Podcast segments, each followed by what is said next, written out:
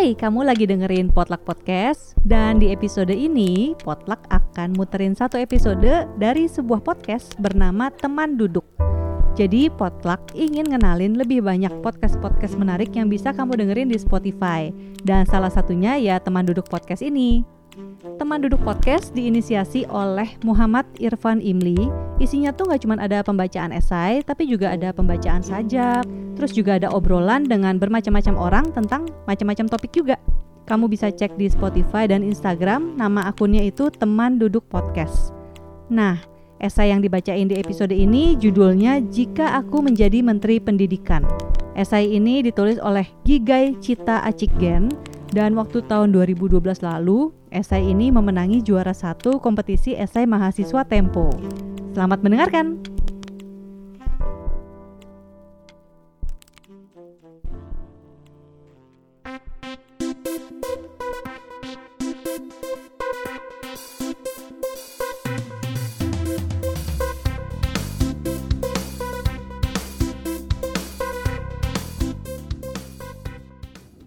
Selain karena memang saya suka membaca esai dan ingin membagikan esai-esai yang menurut saya bagus, sebenarnya segmen ini terinspirasi dari segmen pembaca menulisnya podcast Main Mata. Meskipun segmen tersebut membacakan cerpen ya.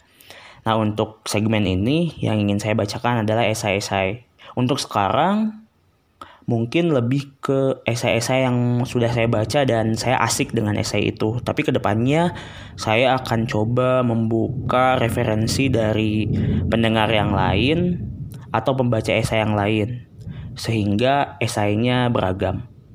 Untuk yang pertama kali ini saya membacakan esai yang judulnya Jika Aku Menjadi Menteri Pendidikan dari Gigai Cita.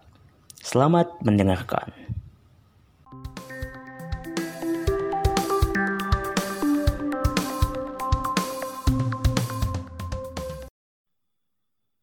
Jika aku menjadi Menteri Pendidikan oleh Gigai Cipta Eci Jengsi.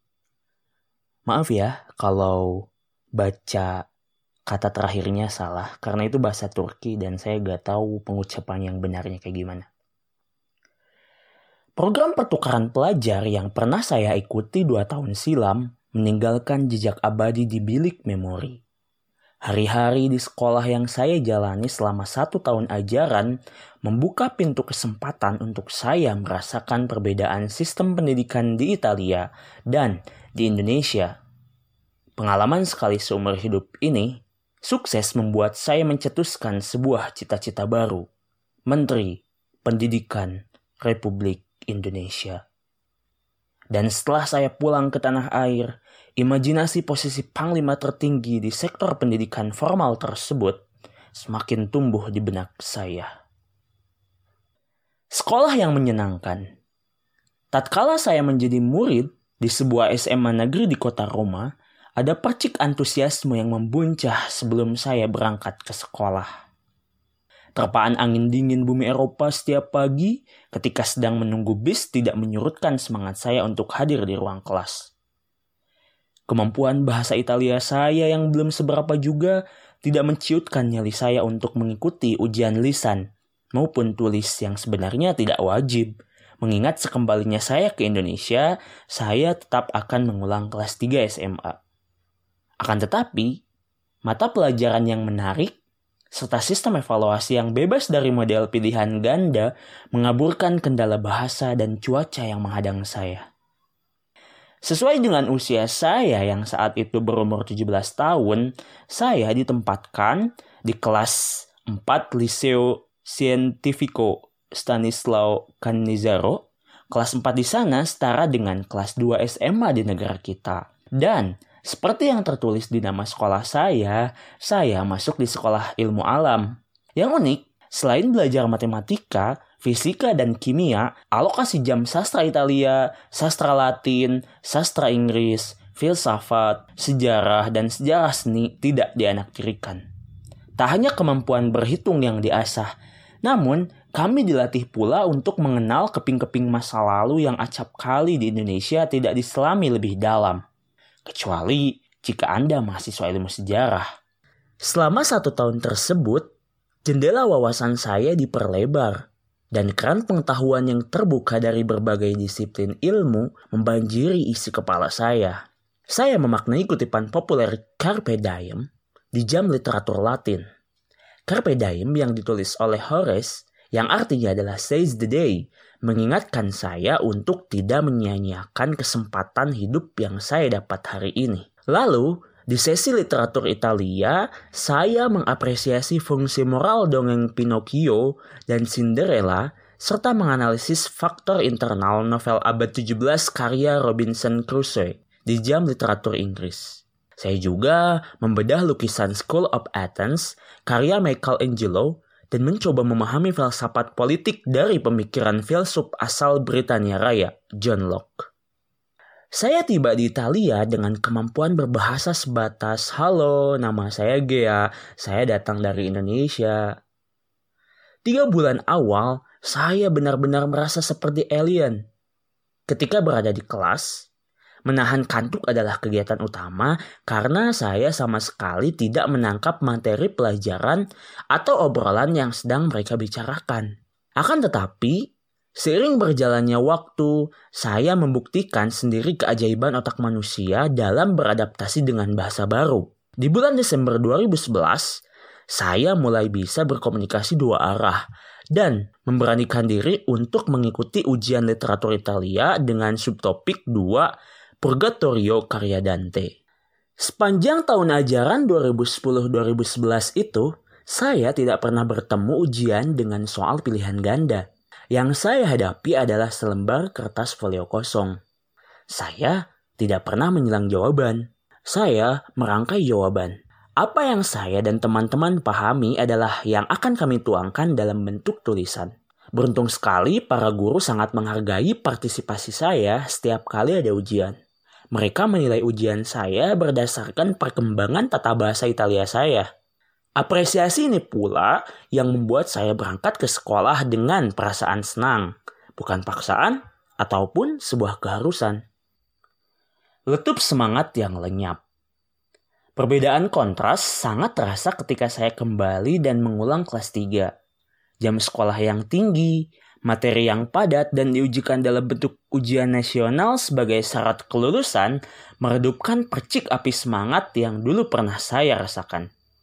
Saya kehilangan waktu luang dan kebebasan melukiskan pikiran dalam bentuk tulisan.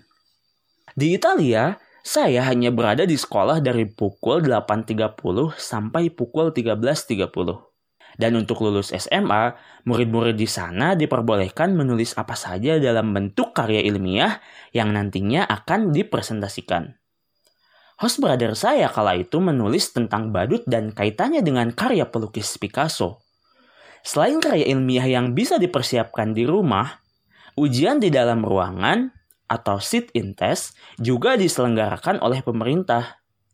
Teman saya menulis sebuah esai dengan tema You are what you eat. Kamu adalah apa yang kamu makan. Bukan berlebihan jika saya mengatakan masyarakat kita hari ini adalah produk kurikulum nasional. Pendidikan adalah salah satu faktor pembentuk karakter umum suatu masyarakat. Meskipun ada perubahan, kurikulum dulu dan kini sebetulnya memiliki napas yang sama. Materi pelajaran yang membludak, jam sekolah yang tinggi, sistem evaluasi model pilihan ganda, dan ujian yang terstandarisasi atau standardized test. Kalau hari ini masih banyak orang yang tidak malu melakukan tindak pidana korupsi, bisa jadi karena pelaksanaan EBTA Eptanas sampai yang namanya diubah menjadi ujian nasional tidak dianggap sebagai tempat bersemainya benih-benih generasi koruptif. Pelaksanaan ujian nasional yang rentan kecurangan adalah rahasia umum. Banyak murid yang saking takutnya atau saking malasnya akhirnya membeli soal dari pihak yang tak bertanggung jawab. Karena mereka dituntut untuk memenuhi nilai minimum kelulusan. Tidak semuanya mampu menomorsatukan kejujuran. Soal pilihan ganda yang diujikan memudahkan para murid untuk menghalalkan praktik sontek menyontek. Model evaluasi yang melihat nilai sebagai indikator kelulusan, dan keberhasilan siswa memproduksi peserta didik yang belajar dengan berorientasi pada nilai atau score oriented, bukan berorientasi pada spirit pembelajar sejati atau learning oriented. Yang seharusnya menjadi landasan setiap orang yang pernah mengecap pendidikan formal. Karena sifatnya berorientasi pada nilai, alhasil pola belajar mengajar di kelas mau tidak mau berfokus pada bagaimana nanti kami bisa lulus ujian nasional. Akibatnya, yang kami pelajari di sekolah adalah skill menjawab soal dengan cepat dan tepat. Dan yang dikejar oleh para tenaga pengajar, kepala sekolah, dan menteri pendidikan adalah kenaikan angka statistik kelulusan. Introspeksi diri Parameter keberhasilan pendidikan nasional yang diukur oleh nilai batas minimum yang mampu dilewati siswa adalah potret kesuksesan yang semu. Buktinya, semakin banyak orang yang bisa sekolah, berita tawuran antar pelajar, demo mahasiswa yang berujung kericuhan masih santer terdengar. Apa pasal ini bisa terjadi? Di kelas, tidak ada cukup ruang untuk melatih cara berkomunikasi yang santun melalui media diskusi tukar opini. Dua jam mata pelajaran tidak cukup efektif untuk mempertajam radar berimajinasi dan bereksplorasi. Selama 12 tahun, kami dijejali soal-soal yang tidak akan kami hadapi di kehidupan nyata. Kami tidak dibekali cara berpikir kritis karena kami tidak dibiasakan menulis. Dari ulangan harian sampai ujian nasional yang berbentuk pilihan ganda tidak mendorong kami untuk mencintai riset pustaka alias merangsang kami untuk gemar membaca.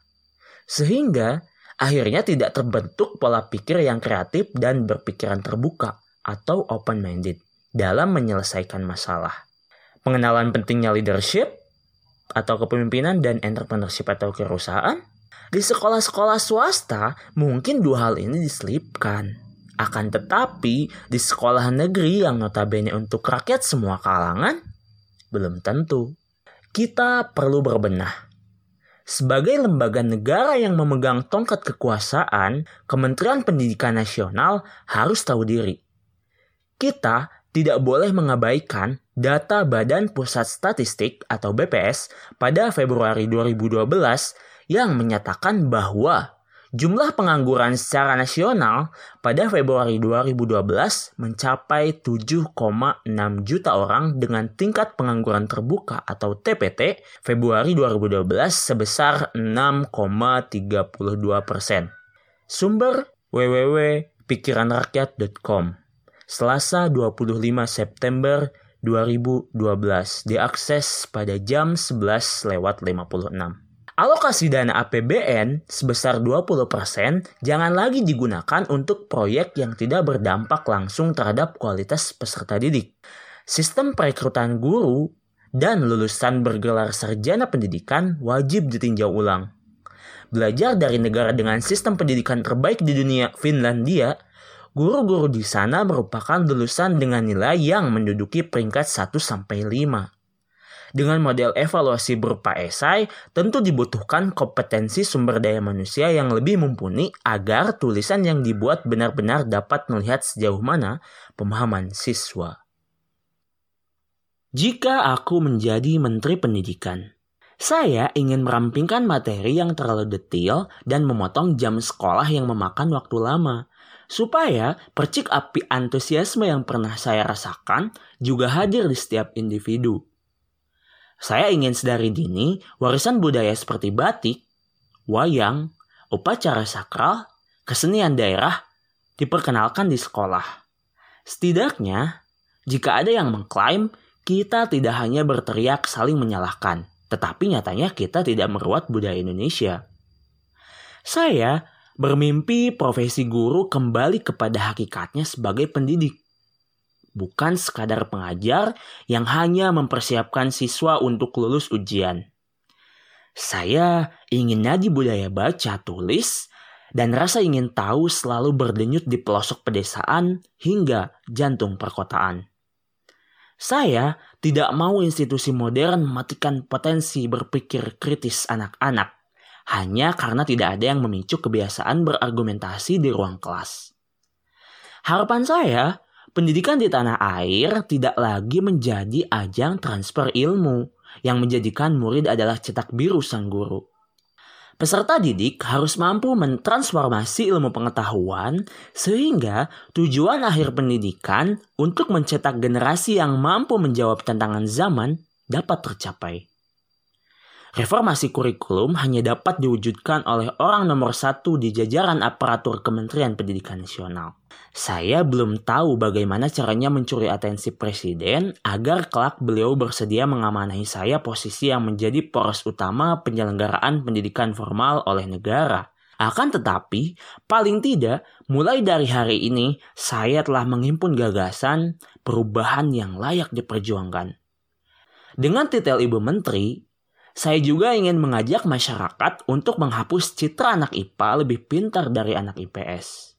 Nosi setiap anak itu unik harus disebarluaskan. Kelebihan di bidang olahraga, musik, seni rupa jangan lagi diremehkan.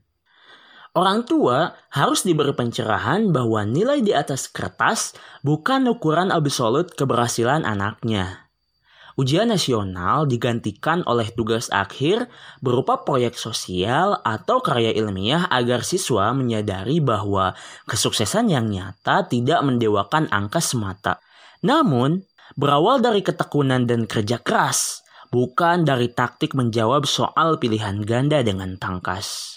Imaji orang yang terpelajar dinilai berhasil karena pencapaiannya dalam bentuk materi, kaya raya, rumah dua, mobil merek ternama harus pelan-pelan digeser menjadi imaji individu yang keberadaannya membawa manfaat sebanyak-banyaknya bagi sekitar.